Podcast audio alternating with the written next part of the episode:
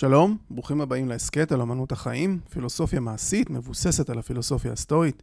שמי ברק קידר, אני עוסק בייעוץ פילוסופי, מלמד ומתרגל פילוסופיה סטואית. אתם מוזמנים לאתר שלי, stoaisrael.com, שם יש גם את ההסכת באופן מונגש, אה, וכן לדף הפייסבוק של אמנות החיים פילוסופיה מעשית, והאינסטגרם בשם סטואה ישראל. שם יש פוסטים מעניינים. היום אני אלווה אתכם לתוך ציטוט שאולי יסייע לכם ולו מעט בנבחי החיים. שמעתם על וואבי סאבי? זה מושג ביפנית, לא ווסאבי, שנותנים עם הסושי. וואבי סאבי הוא מושג שמכיל בתוכו לא מעט משמעות. יש עוד מילים בכל מיני שפות שונות המכילות עולם שלם וכמה משמעויות באותה מילה. אני אתן כמה דוגמאות מעניינות, אה, חלקם סתם בגלל שהמילים אה, מצאתי אותן מעניינות, ואחר כך אנחנו נגיע גם לוואבי סאבי ולנושא של הפרק עם אחד מהציטוטים הכי יפים של מרקוס אורליוס לטעמי. אז אה, שנצלול. קודם כל תסלחו לי שאני לא יודע לבטא את המילים האלה כמו שצריך, כי הן בשפות שהן לא הפורטה שלי. הראשונה היא, זה סאודד, משהו כזה, בפורטוגזית. זה מתאר געגוע מלנכולי למישהו שאוהבים, אפילו אם הוא לא היה אמיתי. אבל יודעים שגם לא נראה אותו שוב. המילה הבאה זה אה, ולץ שמרץ, משהו כזה מגרמנית, מילולית כאב עולם. זה מתאר איזושהי אכזבה או כאב שיש לאדם מההבנה שהמציאות לעולם לא תענה על הציפייה שיש לאדם. כמו עצב מהדברים הרעים והסבל שמתרחשים בעולם. דהיינו אפילו לא כתוצאה ממשהו ספציפי. עוד יש אה, מילה מיפנית שנקראת אה, מונו נו אווארה, משהו כזה. זה מילולית רחמים על אדם, המשמעות היא ההבנה שהדברים הם מריעים וחולפים, מעין עצבות על הדברים שחולפים. ולשם השעשוע אנחנו גם נציין מילה מהשפה שמדברים אותה הילידים בארץ האש בדרום אמריקה. אני לא אצליח לבטא את המילה הזאת, וגם בספר השיאים של גינס היא מופיעה כמילה הכי מתמצתת וקשה לתרגום. היא הולכת משהו כמו ממיה לפינטפאי, משהו כזה. המשמעות מתייחסת למבט שחולקים שני אנשים זה עם זה, שרוצים להתחיל משהו, אבל אף אחד מהם לא יתחיל. הם מסתכלים זה על זה באיזושהי תקווה שהשני יציע לעשות משהו ששניהם רוצים, אבל אף אחד מהם לא יזוז ויעשה את זה. את המילה האחרונה סתם הבאתי כי היא משעשעת. עוד מילה אחת מגרמנית לפני שמגיעים לוואבי סאבי, והיא אה, סנשוט, משהו כזה, שגם משמעותה כמיהה או תשוקה למשהו. חלק מהפסיכולוגים, דרך אגב, משתמשים במילה הזאת לייצג רגשות או מחשבות על דברים לא מושלמים או פגומים, עם כמיהה לאיזושהי חוויה חלופית מושלמת. עכשיו אנחנו נגיע לוואבי סאבי, שבניגוד למילים הקודמות, שמכילות עצב על דברים שחולפים ונהדרים, כמו המילה האחרונה בגרמנית, אה, היא דווקא חיובית, הוואבי סאבי. אה, הוא גם, זה סוג של פילוסופיה עתיקה יפנית, והיא מניחה שכל הדברים מתכלים, שכל הדברים הם פגומים ולא מושלמים. זו תפיסה שהיא בעיקר של אסתטיקה, שאסתטיקה של דברים שהם לא מושלמים. והיופי שגם לא, לא מושלם. זאת אומרת, זה לא רק בכך שהם מבינים שדברים מתכלים והם פגומים וזמניים, עריים, היא גם רואה בזה את היופי. וזה ההפך מאידיאל יופי מערבי, אה, כלשהו אידיאל גוף. וואבי סאבי הוא היופי שבפגמים. זה גם אורח חיים ומצב נפשי.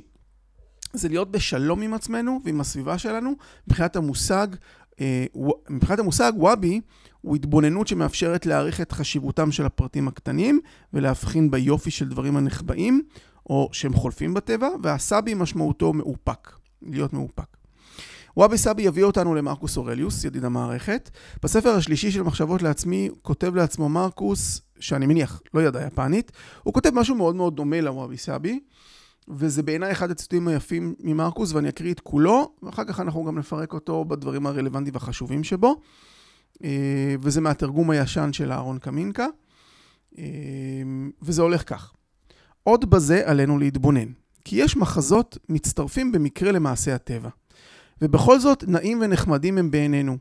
הנה כן, בלחם הנאפה אנחנו רואים לפעמים פגיעים וסדקים, אשר בוודאי לא כיוון האופה לעשותם, ובכל זאת נעים לנו לראותם והם מגרים תאוות אכילה. כן הדבר גם בתאנים אשר הבשילו כל צורכן על העץ והן מתבקעות לאט. כן בזיתים אשר גמלו כל צורכם ועל ידי שבקרוב הפרי לריקבון נמצא בו נועם מיוחד.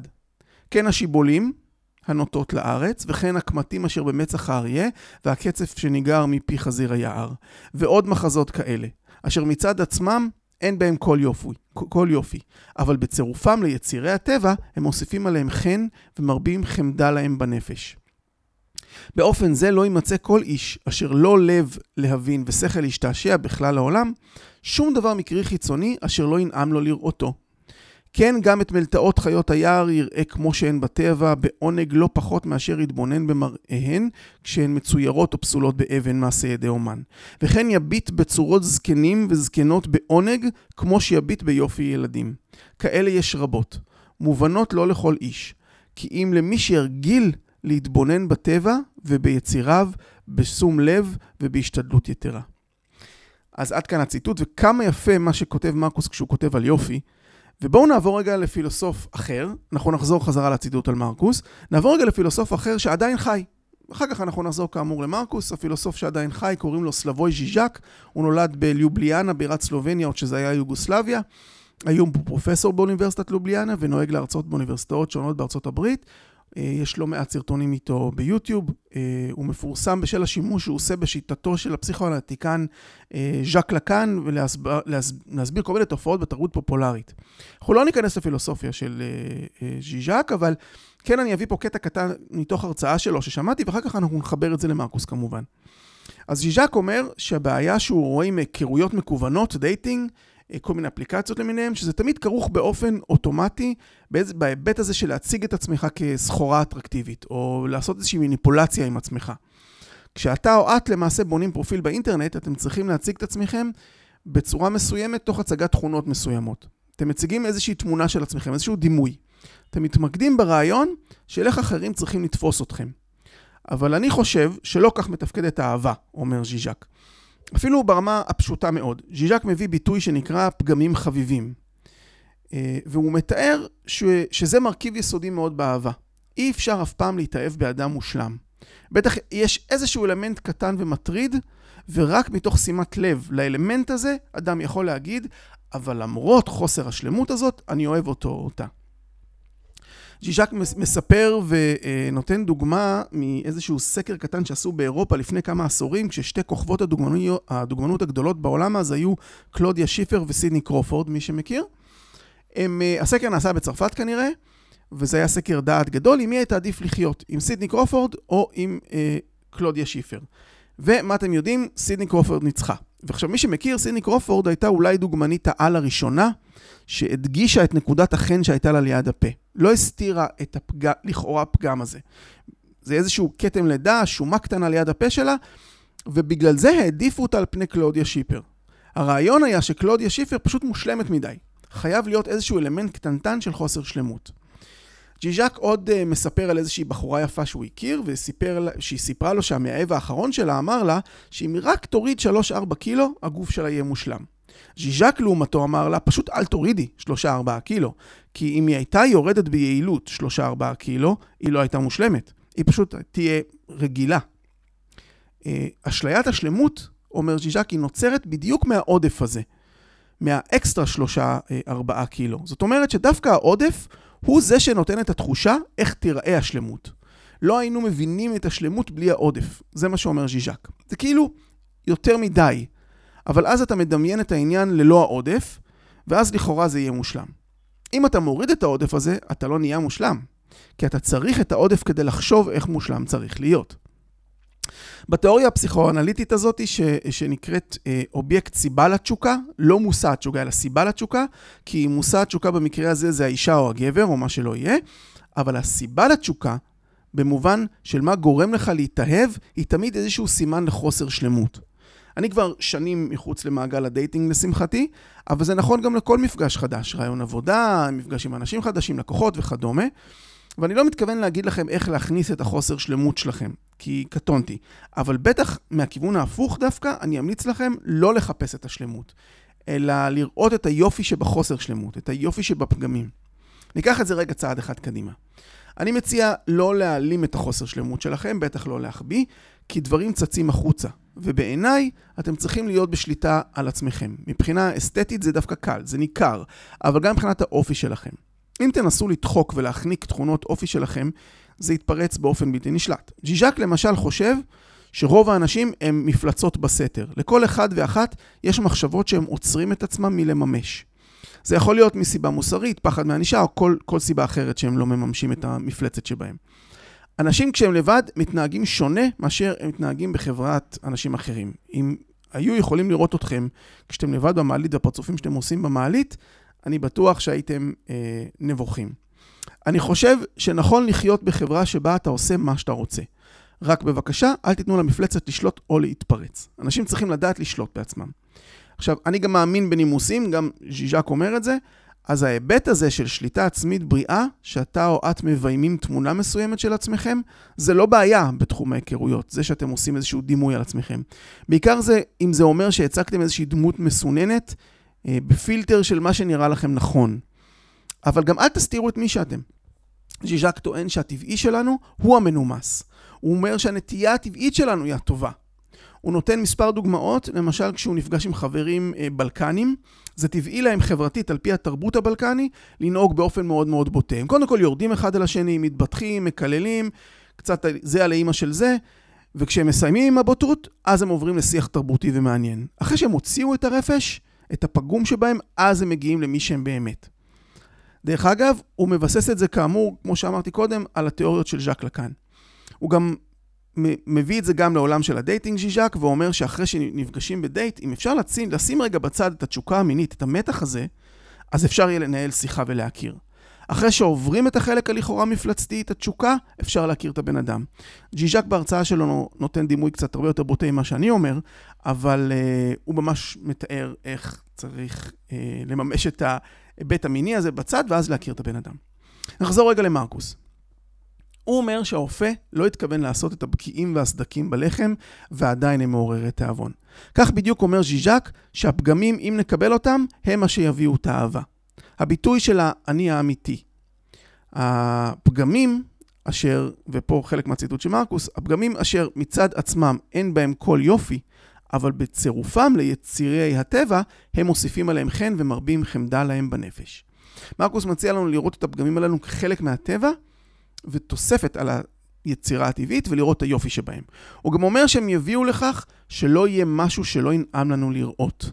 הוא עושה עם עצמו פה תרגול רוחני, וזה בעיניי החלק החשוב שמרקוס פה אה, מביא בציטוט היפה הזה. זה פשוט מחשל, מחשל אותנו. זה לפתח סיבולת בהתמודדות עם החוויות בעולם. גם אלו שתיארתי בהתחלה במילים המוזרות בכל מיני שפות, תראו כמה שנאה יש היום לשונה וכמה שיימינג וחרמות וחרמות וסגנון של שמנופוביה, שנאת זרים, גזענות, שוביניזם, אה, שנאה בין עדות, בין דתיים לחילוניים, ויש גם אפליה כלפי מבוגרים, ומרקוס מציין את זה אפילו.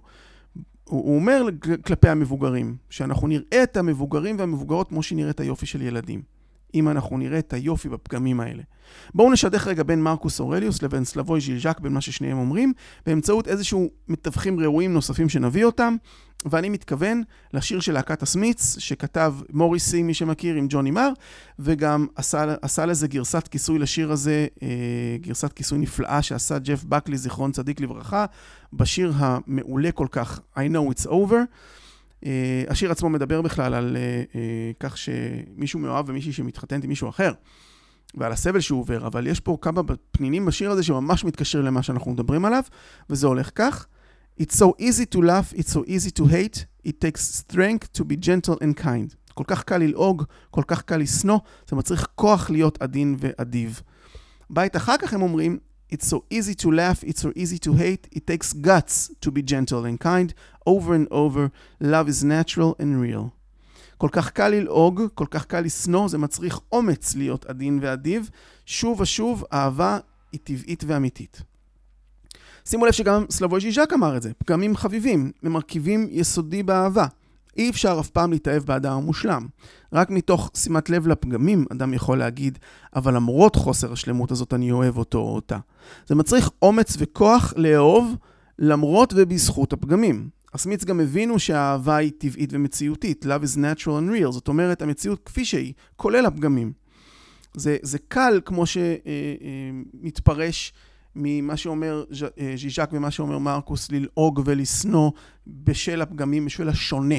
האומץ הוא פה להיות עדין ואדיב, כי גם ז'יז'ק אומר את זה, אנחנו נסלק רגע את ה... מה ששלילי, את ה... לכאורה את הפגמים, את, את, את המריבות שיש לו עם החברים שלו בצורה בוטה, כי זאת התרבות שלהם, ואז הם מדברים בשיח אמיתי, שהבן אדם באמת מנומס ונעים. מרקוס מתייחס לזה גם כן, וכן יביט בצורות זקנים וזקנות בעונג כמו שיביט ביופי ילדים.